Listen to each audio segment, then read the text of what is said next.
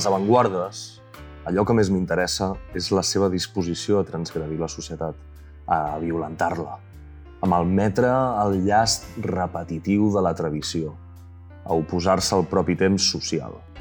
En definitiva, a engegar una rebel·lia del subjecte davant la uniformitat col·lectiva.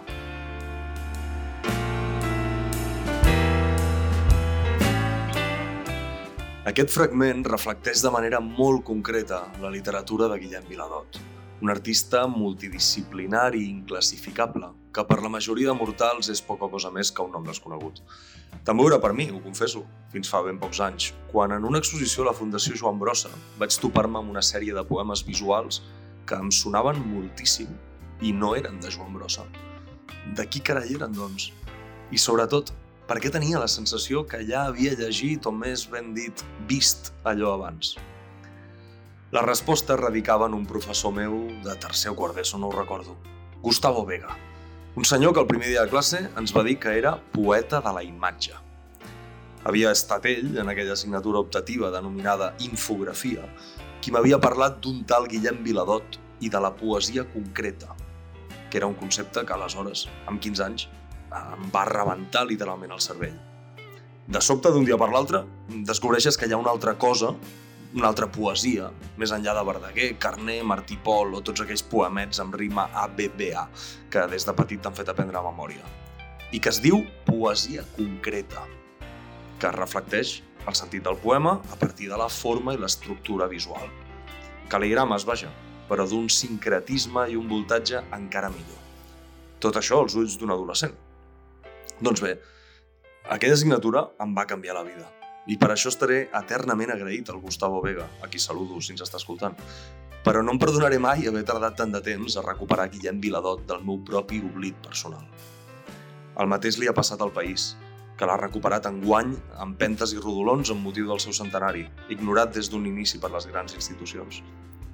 Per sort, hi ha una bona pila de gent que s'han tastat a rememorar com bonament cal la figura del geni de Gramunt, artista perifèric i de la perifèria barcelonina. Dues d'aquestes persones, per exemple, són Pau Minguet i Teresa Ibars, amb qui avui parlaré una bona estona. El primer és el comissari de l'exposició Guillem Viladot, l'experimentació incessant, que del 19 de maig al 2 d'octubre pot visitar-se als espais volar de la Fundació Vilacases. La segona és l'autora del Silenci de l'Angle, Guillem Viladot o El desfici pel jo, un llibre singularíssim, fruit de la seva feina d'arxivera a l'arxiu de la Fundació Guillem Viladot, l'Opardal de Gramunt, L'espai que avui, durant una estona, serà un cafè de la Granota en el qual provarem de seure'ns a taula, ni més ni menys que amb Guillem Viladot.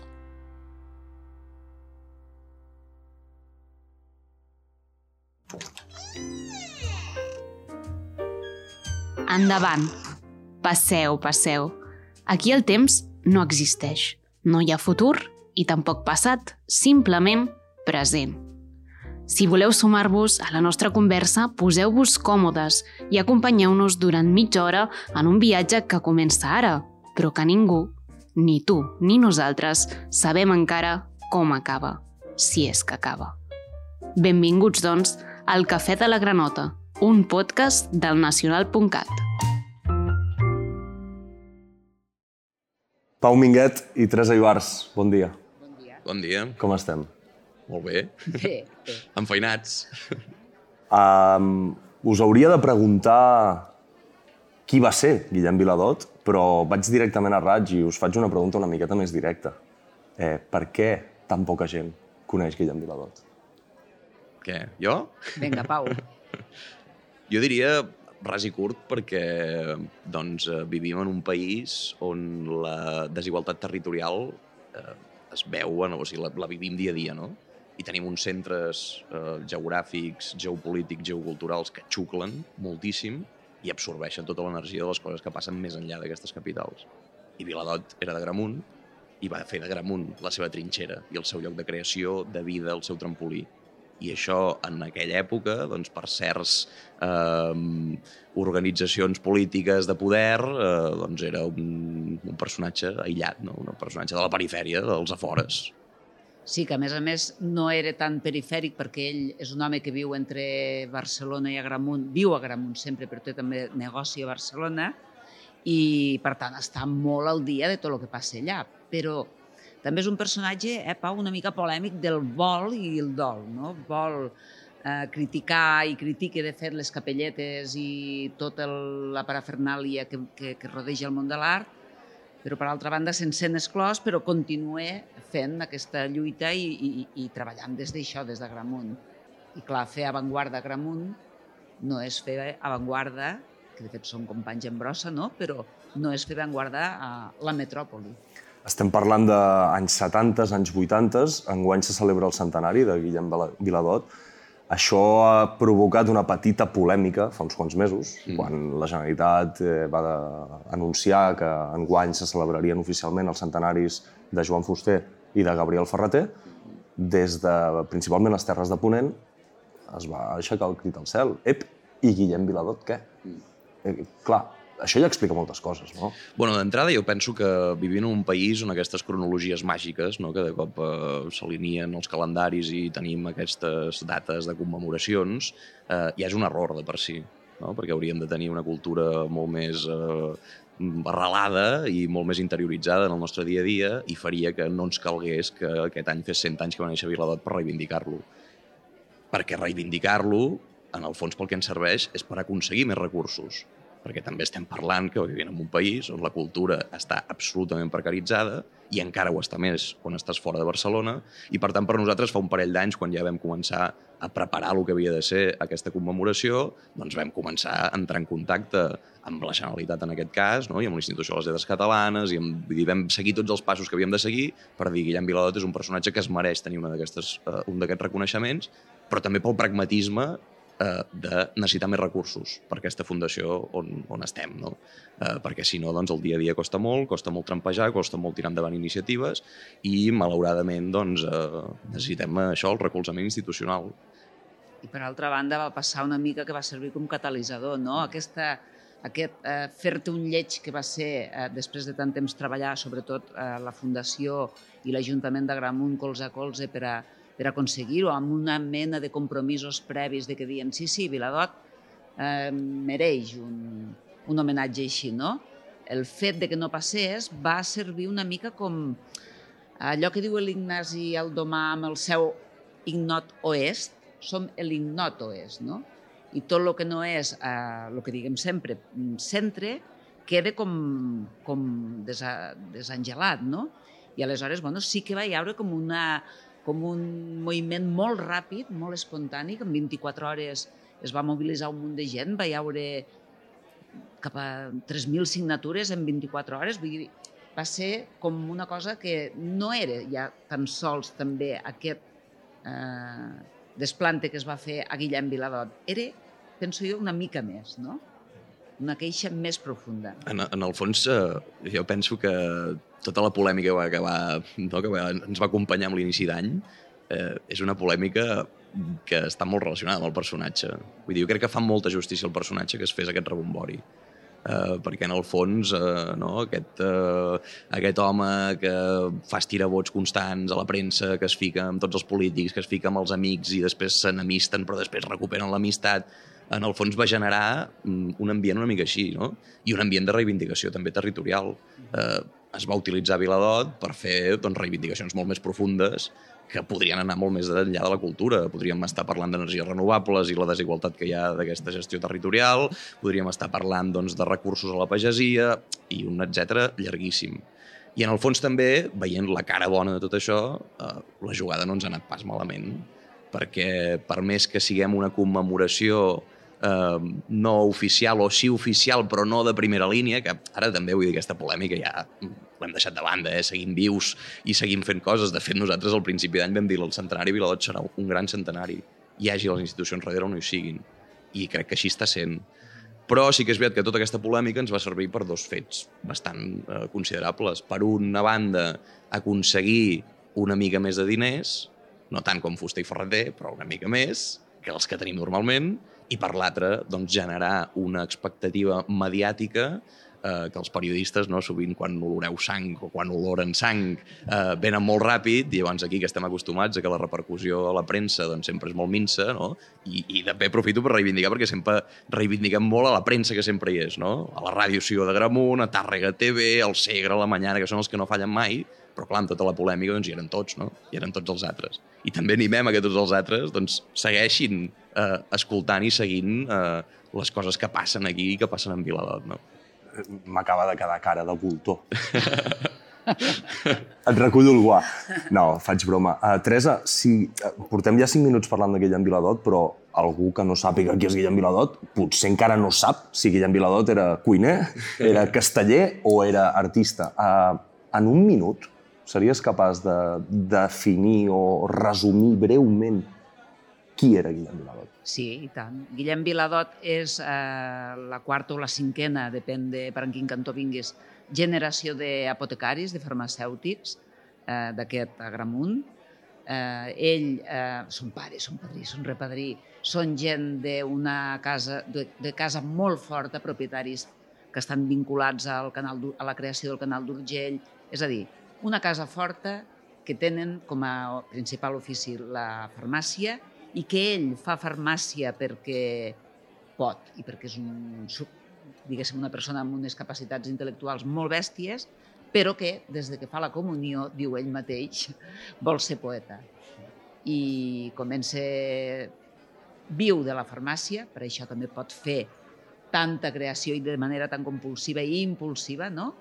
Viu de la farmàcia i dels recursos familiars, però el seu cap barrine, barrine, barrine, primer en la poesia més convencional, aviat comença a intercalar diferents llenguatges que desfragmenten allò que es podria considerar la frase o la poesia convencional, juga amb els volums, juga amb tot de vocabularis que no són allò que s'esperava d'un nen de casa bona farmacèutic.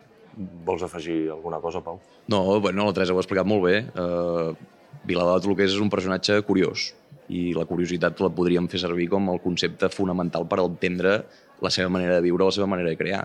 Anar pescant de molts llenguatges diferents, de molts registres diferents, tastar-los tots, ser prolífic en tots ells, excel·lir en tots ells, també penso, uh, i fer-ho des de, sempre des d'una de, uh, manera totalment uh, simultània no és que quan abordem l'obra de Viladot podem veure-hi etapes, cronologies, moments, èpoques, mm, estils, sinó que sempre, permanentment, va d'un lloc a l'altre. I aquest anar d'un lloc a l'altre també fa, i potser tornant al principi, a una mica de per què Viladot és un personatge desconegut. Doncs perquè, malauradament, vivim en un entorn on la historiografia el que sempre necessita és poder encasellar els creadors posar etiquetes i tenir-lo dins de calaixos ben ordenadets. I Viladot és impossible d'ordenar. I també hi hauria una altra cosa que em penso que és molt pròpia, que és que mm, Viladot en si, en vida, era un person, era un personatge total i absolut eh, amb, amb, una, amb unes manifestacions públiques eh, bastant sempre controvertides, eh, sempre opinava, sempre inclús intenta fer una pel·lícula en la que surt vestit com Dalí. Ell, ell és un personatge. Un enfant terrible. Sí, és un enfant terrible i llavors eh, la premsa, jo suposo que en aquell moment, perquè aquí tenim quantitat de material que surt a TV3 constantment, però mor el personatge i una mica mor el creador, no? Vull dir, us deixa de prestar atenció a aquest enfant terrible que està tot el rato dient «Ei, fuasca!» no? Vull dir, una mica això també eh, penso que, que el defineix que ell és molt personatge i que quan mor com a que cau en una mena de buf, ja ha callat aquest home, saps? Als Espais Volart de la Fundació Vilacases eh, acabes de comissariar l'exposició L'experimentació incessant, que és un monogràfic sobre Viladot, que, que, que tot això que esteu explicant, eh, per a algú que no hagi conegut encara l'obra de l'artista, ho veurà plasmat en les seves obres? Jo penso que sí. Uh, moltes d'aquestes coses que comentem. Uh, no teníem intenció de preparar una exposició, diguem, d'antològica, perquè en el fons uh, fer arqueologia de les imatges sempre és un perill. No? Apropar-nos a aquest personatge del passat, aprofitant la seva obra per um, situar-nos en el moment en el que va fer, no? com aquest exercici de traslladar-nos al passat i mantenir-nos al passat, jo penso que no és interessant. Que el que hem de fer en Viladot és aprofitar tot un llegat plàstic, literari, poètic, per seguir doncs, eh, reflexionant sobre el nostre present. No? I en aquest sentit, doncs, l'exposició que tenim a la Vila Cases eh, és una exposició que no pretén marcar ni la línia concreta per abordar l'obra de Viladot, ni un recorregut estable ni fixe. De fet, tenim un aiguabarreig de moments, d'èpoques, d'imatges, de peces, un aiguabarreig de llenguatges també, perquè hi ha el llenguatge doncs, més poètic, experimental, el llenguatge més escultòric, el llenguatge fins i tot també literari, eh, i tot això en el fons el que confeccionen és un imaginari Viladot, que tu entres allà i veus eh, una espècie de relacions entre les pròpies peces que participen d'un tot més gran, que és el tot mental de Viladot, no? I és un tot mental doncs, que té diverses preocupacions o diversos rebosts, no? llocs on, on, on, on va buscar aquestes inspiracions o aquestes peces o aquestes excuses, sigui primer el seu agramunt natal i vital, com després doncs, eh, la psicoanàlisis, l'interès constant per la recerca del jo mateix, eh, la preocupació mig camuflada també per la mort i pel transcendir, no? Llavors una mica, doncs el que m'he intentat a l'exposició és això, més que anar peça a peça. De fet, no hem posat ni carteles a les peces. Hi ha diferents textos d'àmbit, però no podem anar a destriar peça a peça, perquè és indiferent que una peça sigui de l'any 70 i al costat en tingui una de l'any 99. El que intentem és que es crea i es construeix aquest imaginari i que en el fons de l'exposició doncs, pots començar-la per on vulguis eh, i participa tota ella, s'ajuda a, a intentar construir el que és aquest imaginari Viladot bueno, ell mateix no posava, no, no posava títols a les, a les obres. Clar, és que això I també una mica... barrejant, no? Sí, per fer una mica de justícia, això també que comentes, Teresa, que eh, si ens haguéssim trobat eh, no, una exposició plena de cartel·les amb, eh, sense títol Circa 1990, doncs clar, això també seria una mica pesat, no? I potser també tendint cap a aquesta cosa que tenim, no?, del que comentàvem abans, de l'encasellament, de l'etiquetatge, i que crec que en Viladot no és necessari. I efectivament Viladot pràcticament mai posava títol a les seves peces, perquè té una cosa que, com a públic, jo crec que ens, que ens serveix molt, no?, per empoderar-nos com a públic perquè sovint cap a l'art contemporani hi ha com una exigència no? de què volia dir l'artista, vegades posem una cartela ho llegeixes i el que genera és com un endormiscament absolut de, de, de, de l'esperit crític de cada persona, no? I per tant, Viladot ell mateix en vida té algun recull, no? alguna, alguna declaració que ho diu, i és que animo a que qualsevol persona que faci una interpretació sobre la meva obra que sàpiga que la que fa ell és igualment vàlida que la que tenia jo en el moment de crear-la, no? Allò de... Una vegada caminant per Roma vaig veure una pintada que deia il poeta sei tu que leggi el, doncs el, el poeta ets tu que sí, llegeixes, sí, sí, sí. no? Una mica això, donar-li el protagonisme a qui observa, no només a qui crea, per tal que es configuri eh, el sentit de tot plegat. Totalment. De tots els llenguatges que hem parlat, eh, un llenguatge més convencional, de poesia escrita, un llenguatge evidentment artístic, escultòric, pictòric, fotogràfic, etc. Narrativa. Periodístic, Periodístic, assagístic... Va, estem parlant d'un home del Renaixement a, a, a, en ple franquisme, com aquell que diu, Uh, quin d'aquests llenguatges creieu que excel·leix més? és, sé que és una pregunta difícil. és com preguntar-li a un nen a qui estimes més, si el papa o la mama, potser, però eh, segurament en algun llenguatge eh, tindrà obres més interessants que en un altre, o tenia més traça, no ho sé. Eh, eh, que és un escriptor magnífic, eh, és claríssim, vull dir... I que, I que és un poeta també per mi és molt claríssim. De fet, eh, jo penso que Viladot fa sempre poesia, no? Vull dir, tant si fa poesia convencional com quan fa poesia concreta o visual, no? Quan em fa mm, les volumetries, és sempre molt poesia. I la narrativa també és molt poètica. Sempre utilitza molt tècniques que te remeten a, a la introspecció, a la importància de les paraules o del, del que escriu en aquell moment o del, objecte que et mostra en aquell moment per tirar cap dins, no? Jo, si l'hagués de definir com, com, com lo definiria, diria que és un gran poeta que fa de tot, però que és un gran poeta. Sí, jo estic d'acord i costa molt triar, eh? Costa molt. Ara també potser, no sé, per, mm, no, per opinions personals o per neguits personals, eh, jo penso que potser un dels projectes més interessants de Viladot és tot el món de la poesia experimental primerenca, diguéssim, el que s'anomena poesia concreta en aquell moment, on Viladot, juntament amb Brossa, juntament amb Josep Iglesias del Marquet, doncs són els tres que, que ho inicien, no? I és veritat que Brossa després ha transcendit més, pels motius que sigui, també per mèrit, evidentment, eh? Uh, però sí que en el moment, no, l'any 71, a Lleida es fa la Petit Galeria, la primera exposició de poesia concreta del país, i és com una exposició manifest, no? que senta les bases de tot un llenguatge que arribarà després, però Viladot els últims anys ja havia estat fent moltes coses experimentals. De fet, potser el primer poemari més experimental que fa és l'any 59, els metaplasmes, després l'any 60 els iogurt, i d'aquí, mica en mica, mica en mica, va fent eh, moltes coses en aquesta línia.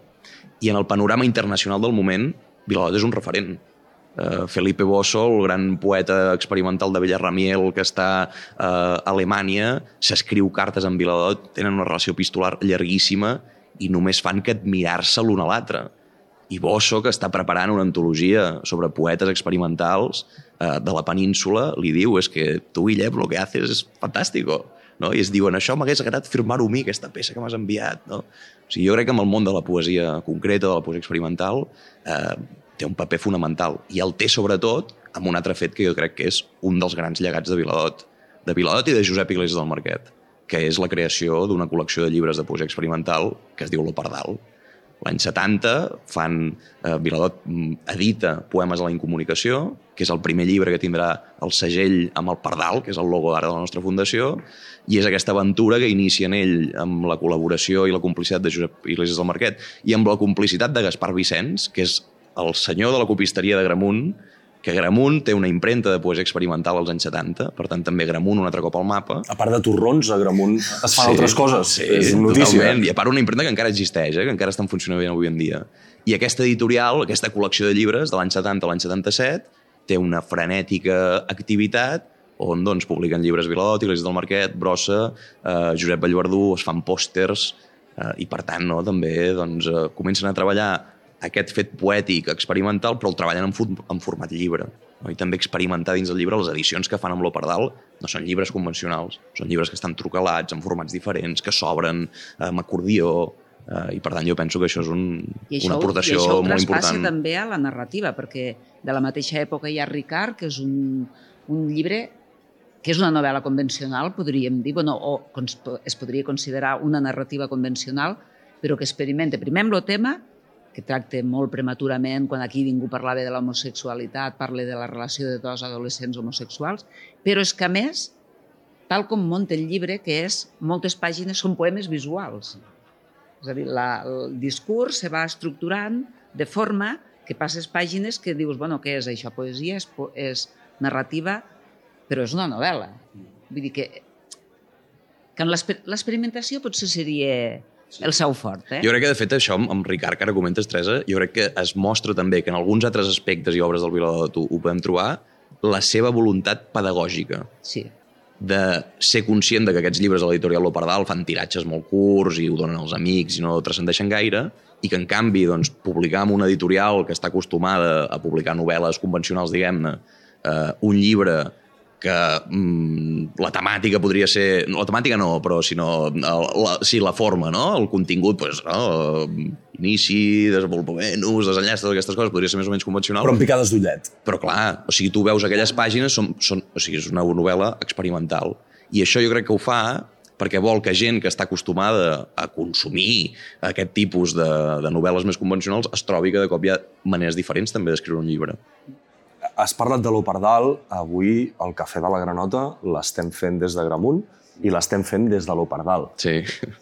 Abans us he preguntat que en un minut definíssiu qui era Guillem Viladot i ara us pregunto que en un minut m'expliqueu què és l'Operdal, què és aquest edifici al centre del poble, què hi podem trobar aquí i per què eh, hauria d'haver-hi 15 autocars aparcats aquí a la porta cada dia en honor a Guillem Viladot. Bé, de fet, el nom, ara ho hem comentat, l'Operdal eh, és aquesta editorial que de l'any 70 al 77 fa llibres, i Viladot l'any 92 recupera un altre cop aquest nom, com homenatge a l'antiga editorial, com homenatge també a Josep Iglesias del Marquet, i amb una cosa poètica que també després, quan és més gran, fa anar, que diu que els pardals són els únics ocells que estan tot l'any a Gramunt. Les cigonyes marxen, les orenetes marxen, però els pardals sempre s'hi queden. No, li va quedar bastant rodó. I llavors l'Opardal, també en paraules seves, és la casa de la poesia visual.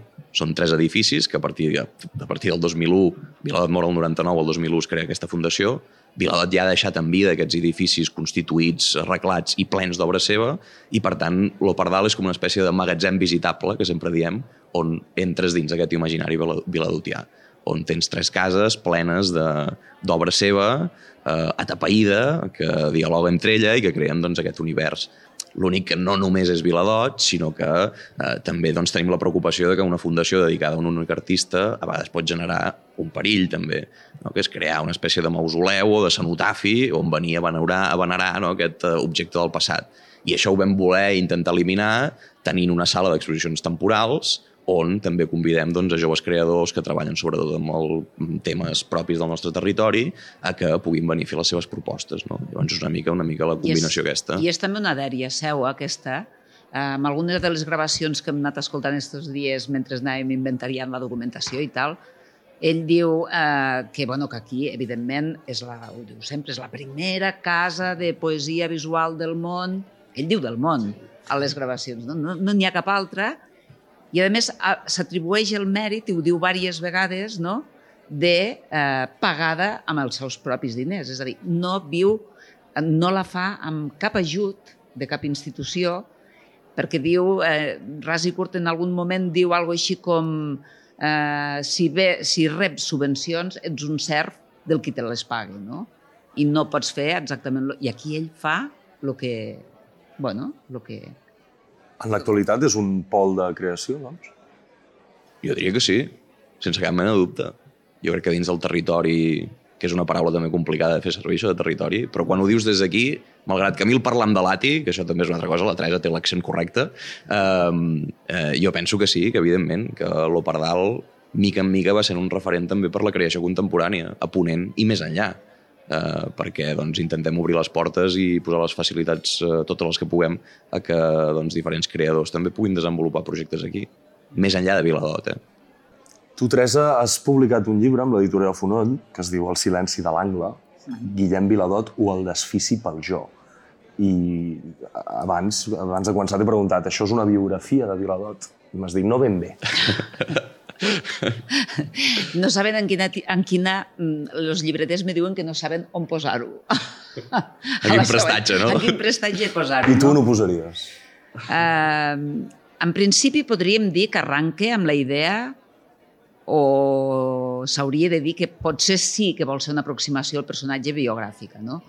Però Viladot nos ho ha ficat també bastant fàcil a la gent, fàcil i difícil, eh, que m'ha costat lo suyo, perquè has de pensar en quin personatge estàs retratant, ell no és convencional i tampoc se podia fer una biografia de nació, vivió i murió, no? Vull dir, tampoc era la idea. Ell havia fet tres biografies en vida, una de Leandre Cristòfol, que és un, un poema, tota ella, és una poesia de la infantesa, havia fet Joana de Castella, i havia fet Carles, eh, personatges històrics els dos, i fa unes biografies absolutament eh, singulars. No? Aleshores, aquí jo sí que, suposo que el lector quan acabarà sabrà coses de Viladot, però jo Viladot el porto al meu terreno, perquè penso que, si no puc parlar de jo també, com ell, el desfici pel jo, no? que jo també el tinc, no, no, bueno, no seria massa redó. I llavors, el que intento és, a partir de Viladot i a partir de la seva obra i a partir del que a mi m'ha suggerit la lectura de la seva obra, el Pardal i tot, eh, pensar sobre, podríem dir, 50 anys de cultura, no?, una mica. O de contracultura. De contracultura de després més, més cap aquí i també evocar personatges que podrien ser o són viladotians i que jo he conegut i que Viladot i jo vam compartir, no? Hi ha un, hi ha un punky eh, Viladot, eh, a partir d'unes imatges que, trobo, que trobem aquí a l'arxiu, de Viladot vestit com Dalí, amb unes flors al cap, una hielina a l'Lis Taylor a Cleopatra, i agafat així amb un punky que era de la meva mateixa edat i que havíem, ens havíem conegut a Lleida i ja està mort, eh?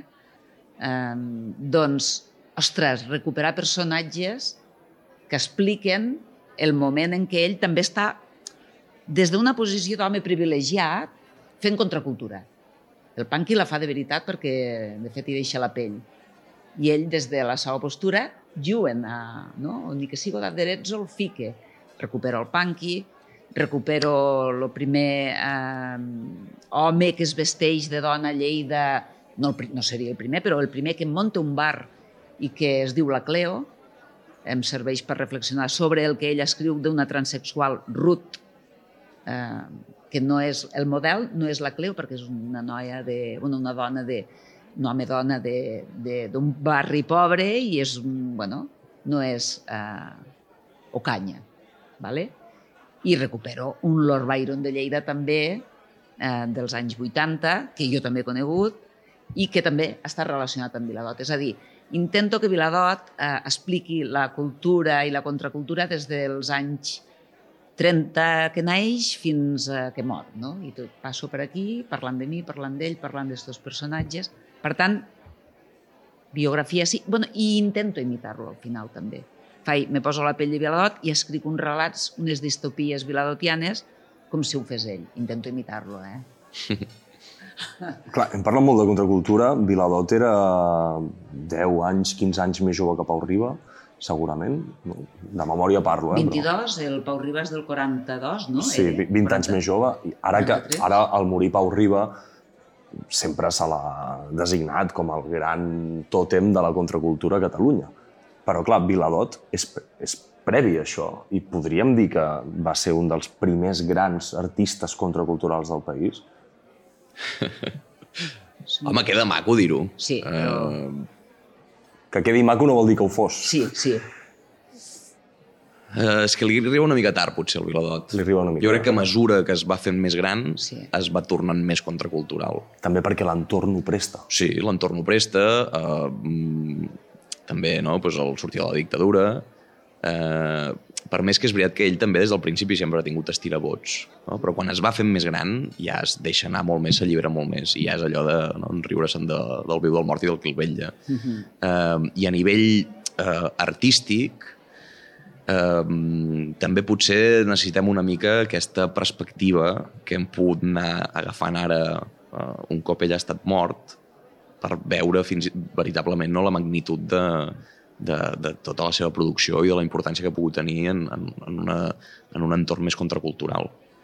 No ho sé, és complexa, és complexa. És complex, però personatges com Pau Riba, que jo no li, he, no li he llegit ni l'he sentit en cap entrevista parlant de Viladot, però de fet ell se presenta Sí. a, un pre, Sí. a, un, a un certamen literari Guillem Viladot que es munta aquí als anys 90, el Pau Riba es presenta. Sí. Va quedar Enric- finalista. I queda finalista, no? Vull dir, és a dir, Pau Riba l'ha de conèixer, fi- fixe. Eh, El Casasses, el Casasses el, el, en alguna escrit, en alguna entrevista que la vam...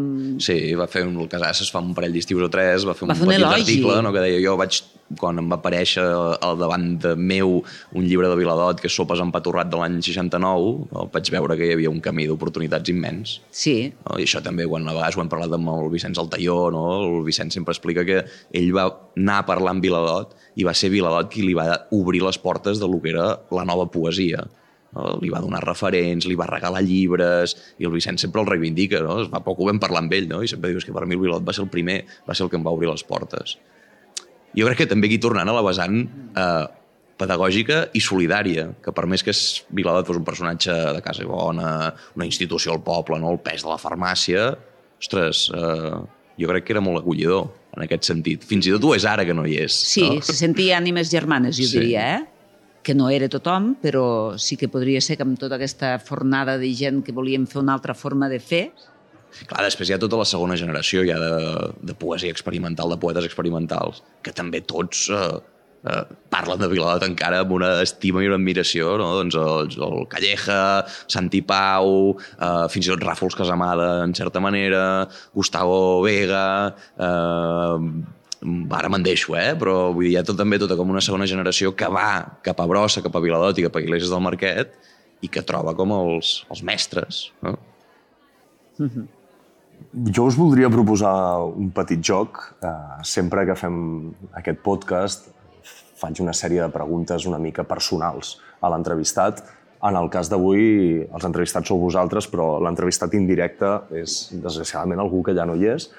Des del vostre coneixement de Guillem Viladot, m'agradaria que l'intentéssim ubicar en el present. Que féssim un exercici una mica estrany de ressuscitació i, per exemple, preguntar-nos si Guillem Viladot eh, tindria Instagram i si es passaria el dia penjant fotos creatives i posts estranys a les xarxes socials. no sé si ho faria, però té alguns poemes dels anys 80 que ja parla que acabarem tots enganxats a, a, a, al món tecnològic digital. I dius, però si els anys 80 no, o un llibre l'any 72, a l'Entre Opus i Opus, Sí. que és, és com una espècie de crítica a la, no, a la societat de l'espectacle Guy Debord. No? Ell, o sigui, el, el centre del llibre eh, és com una pàgina trucalada que va avançant i vas veient com es fa més gran i més petit i primer posa home, home, home, home, home i després canvia tele, tele, tele, tele, tele, tele. Sí. No? Vull dir que és bastant graciós això visualment. Jo penso que no sé si, si se sentaria a gust del tot, però que tastaria coses d'aquestes, seguríssim. Bé, teni- tenim un poema- De fet, exacte, a, a, poc abans de morir Viladot, eh, amb l'ajuda de Daniel Gelabert, que era un amic seu arquitecte d'aquí Balianes, va fer un poema, l'únic poema que tenim de Viladot, fet amb un ordinador. Eh, I també és com una espècie de cullera deconstruïda que aguanta unes lletres i que són el seu cognom, Viladot, però la O està sobre la cullera. O sigui, per tant, ell mostrava interès cap a aquestes coses quan eren molt incipients. Si estigués avui en dia amb nosaltres, jo estic convençut de que, de que hagués tirat cap aquí. O hagués fet com fa sempre, no, Teresa? Que sí. potser hagués tingut Instagram i al cap de dos mesos l'hagués tancat i se n'hagués anat a una altra xarxa i després hi hagués tornat i potser ara estaria ballant a TikTok. Vés a saber. Podria ser. Podria ser.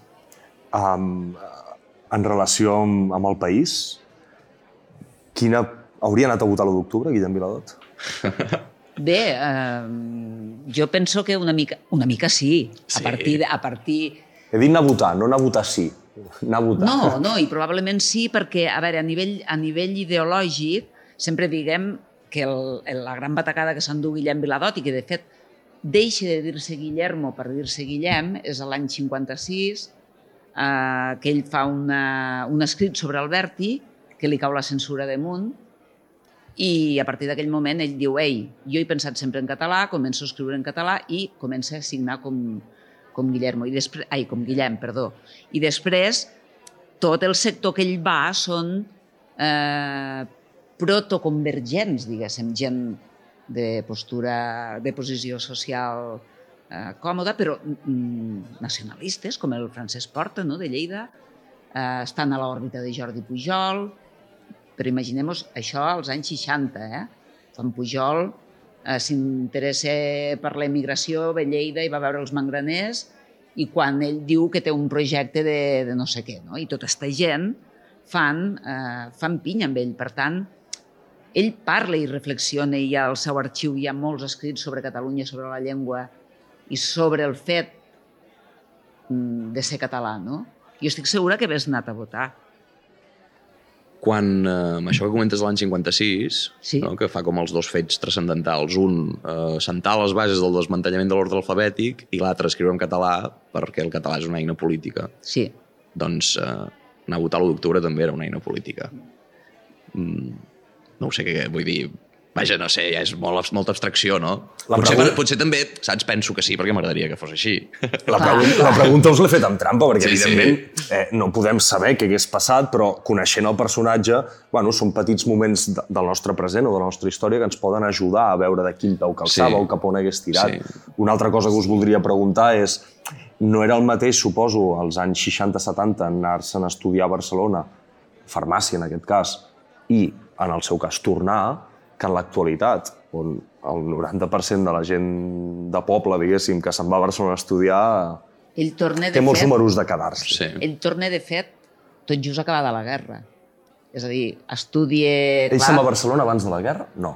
Ell se'n va a la Barcelona, just acabada la guerra, marxa a Barcelona a estudiar el que llavors era el batxillerat, que ho fa tot en un, en un any, se trau no sé quants cursos, 25, posem pel cas, no, però fa, ho concentra i es treu el batxillerat i després fa farmàcia i torna a Gramunt definitivament ja casat amb la Montserrat Felip per fer-se càrrec de la farmàcia i tal, podríem dir que torna al 48, és quan acaba i es casa i torna, però encara va anar a Madrid, acabar-se de fer una oposició que fan els farmacèutics en aquell moment. I clar, es troba una Gramunt que és la Gramunt de la cendra, heu de llegir la cendra, perquè és... Eh, ell descriu com és la vida abans de la guerra, com és durant la guerra amb els bombardejos, diu Agramunt, però pot ser Barcelona, és igual. De fet, no diu Agramunt. No diu Agramunt, de- Però és Però és Agramunt. Agramunt, sí. I com és el nacionalcatolicisme que se troben les persones a, a, a aferrades a un fanatisme religiós que, que fa que la protagonista fins i tot se posa malalta, bueno, en fi, no? Eh, clar, ell quan torna aquí és això, és nacionalcatolicisme. Us, us pregunto això, o sigui, la pregunta seria si Guillem Viladot hagués nascut l'any 97 Sí. i ara se n'hagués anat a Barcelona a estudiar farmàcia i hagués tingut inquietuds artístiques, si s'hauria pre preferit quedar a Barcelona perquè eh, segurament Barcelona, si en el seu moment ja era un pol de modernitat dins d'aquella Catalunya de postguerra, actualment és un pol de globalització dins de la nostra Catalunya contemporània. Tot el llenguatge viladotià en la Barcelona actual mm, podria ser que Viladot estigués eh, a la nau Bòstic eh, Jo creant... fem projecció, jo penso que no. Jo també. I si estigués creant des d'allà, eh, estaria fent obres que sense Gramunt no es podrien concebre. Sí. Aquesta, aquí és on volia O sigui, anar a parar. potser hagués estat creant des de Barcelona des de la nostàlgia més absoluta. Perquè les arrels tiren molt en Viladot. I té una relació molt eh, bipolaritzada no? amb, amb Agramunt. No pot estar sense Agramunt, però també li pesa perquè després veus relats o, o, o, o temes que tracta d'aquí amb lo pes no? de, del que suposa un lloc com és Agramunt, però tampoc se'n pot desprendre. No? Però és que jo crec que això, Teresa, vull dir que ho podem aplicar a, a tots els pobles. Sí, sí, sí, sí. No? Perquè doncs, un poble és un... O sigui, Catalunya ja és petit de per si. Sí. I, i tots, vull dir, el, el món de la cultura català és extremadament endogàmic. No? Mhm. O sigui, és terrorífic. Barcelona i els mateixos, eh? Foix deia allò, ells amb ells es coronen. I és així. Uh, I en un poble, doncs, uh, no passes desapercebut. I menys si ets el farmacèutic. I això també, doncs, hi ha moments que cansa, no? que es fa feixuc i que sempre aquesta idea no? de tenir un punt d'escape, de fugida, s'agraeix. Però, per altra banda, quan marxes uns dies del poble, els trobes, el trobes molt a faltar, i trobes molt a faltar la gent, i trobes molt a faltar anar a fer un tom cap al Pilar d'Almenara, eh, i els rostolls que s'esquerden com vidres, no? diu ell en, un, en, una, en una gravació, i per tant, eh, Barcelona per Vilalot va possiblement ser una eina també doncs, de, de coneixença d'una realitat diferent, d'una vida professional diferent, d'una sèrie de gent diferent, però, però Gramunt és el seu lloc. Han passat, mm, ha passat mig segle des de que va passar tot això, però per anar acabant, encara creieu que és necessari anar a Barcelona o ser a Barcelona per tal que artísticament algú et faci cas? No, No. absolutament que no. I a part és que en el món globalitzat, globalitzat en el que vivim, Barcelona no deixa de ser un poble d'altres metròpolis molt més grans. I a vegades sembla que tot hagi de passar per allà i que allà passin totes les coses, i no és així. Malauradament, els recursos econòmics sí que estan més allà, que no pas aquí. I els mitjans de I comunicació els mitjans de comunicació, sí, sí, i les sales, i... sí. sí. però podem prescindir de Barcelona, 100%. Que vosaltres creieu que es pot prescindir de Barcelona no vol dir que això passi, però No. No. perquè els carronyaires de la premsa, per desgràcia... Us costa moure, us costa volem, moure. Volem molt més per sobre de la plaça del MACBA que per sobre dels camps dels plans de Sió. Sí. Eh, com, com canviar-ho, això? Uf, complicat. Eh, a part és que en problemàtiques molt més de base que no són només les culturals.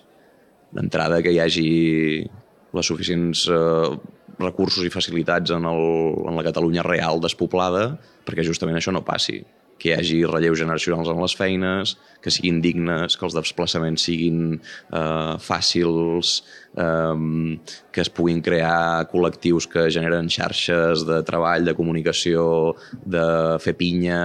Tot això és fonamental i per fer això es necessiten recursos. I es necessiten recursos públics, evidentment, perquè el país és gran i és de tots. Vols afegir alguna cosa, Subscric totalment el que diu el Pau. Per acabar, una mica improvisadament, us volia demanar breument si cadascú de vosaltres em podria llegir un fragmentet, el que vosaltres vulgueu, d'algun text viladotià que, que, que, que digueu això, això ho ha de llegir tothom perquè, perquè això és increïble. Per tancar ja el capítol. Què llegiràs, Teresa? Sí, jo llegiré, ara que no recordo la pàgina que està, La mort. Va, llegiré un, un fragment de temps d'estrena. Que és el primer llibre que va publicar, l'any que és el 59. primer. Eh, Ves explicant mentre busco. Pau, corre, corre.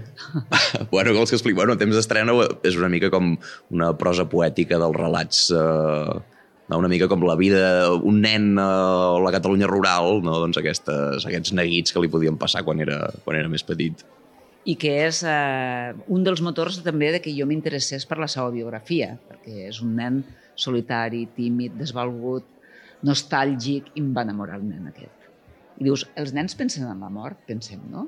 Doncs això és el que deia ell, la mort. L'escola no es tancava fins ben entrat l'estiu. A la tarda, esperant que toquessin les dues, s'estava bé a l'ombra de les acàcies. Ens recolzàvem al seu tronc o ens estiràvem a terra, i aquella llum tova ens inflava el cervell i ens emmandria, ofegant-nos tots els moviments i les paraules. Era un ensopiment progressiu i ascendent. A mi, aquell estat em feia pensar en la mort.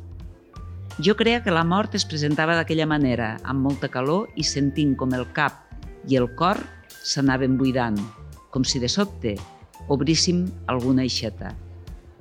Sota les acàcies, l'ombra de les fulles ens acollia en un sopor espès que ens elevava com en un globus de paper. Quan estàvem molt amunt, ens perdíem. Llavors, l'aixeta es tornava a obrir i ens moríem del tot. Poesia pura. I jo en llegeixo un diferent, diferent, per veure també una altra, una, una estem altra parlant de finals dels 50, Sí. això que Sí. acabem de llegir Sí. ara. Tu què ens llegiràs? Jo un de l'any 64, que és d'un poemari que es diu Blancs Espirituals i el poema es titula Confessió General, que aquí ha començat a experimentar Viladot. Per més que el format aquest no sigui tan experimental, jo crec que aquí fa una declaració d'intencions de, de la seva manera de treballar. No? I diu així, Confessió General. Tendim el poema pel camí de l'antipoema.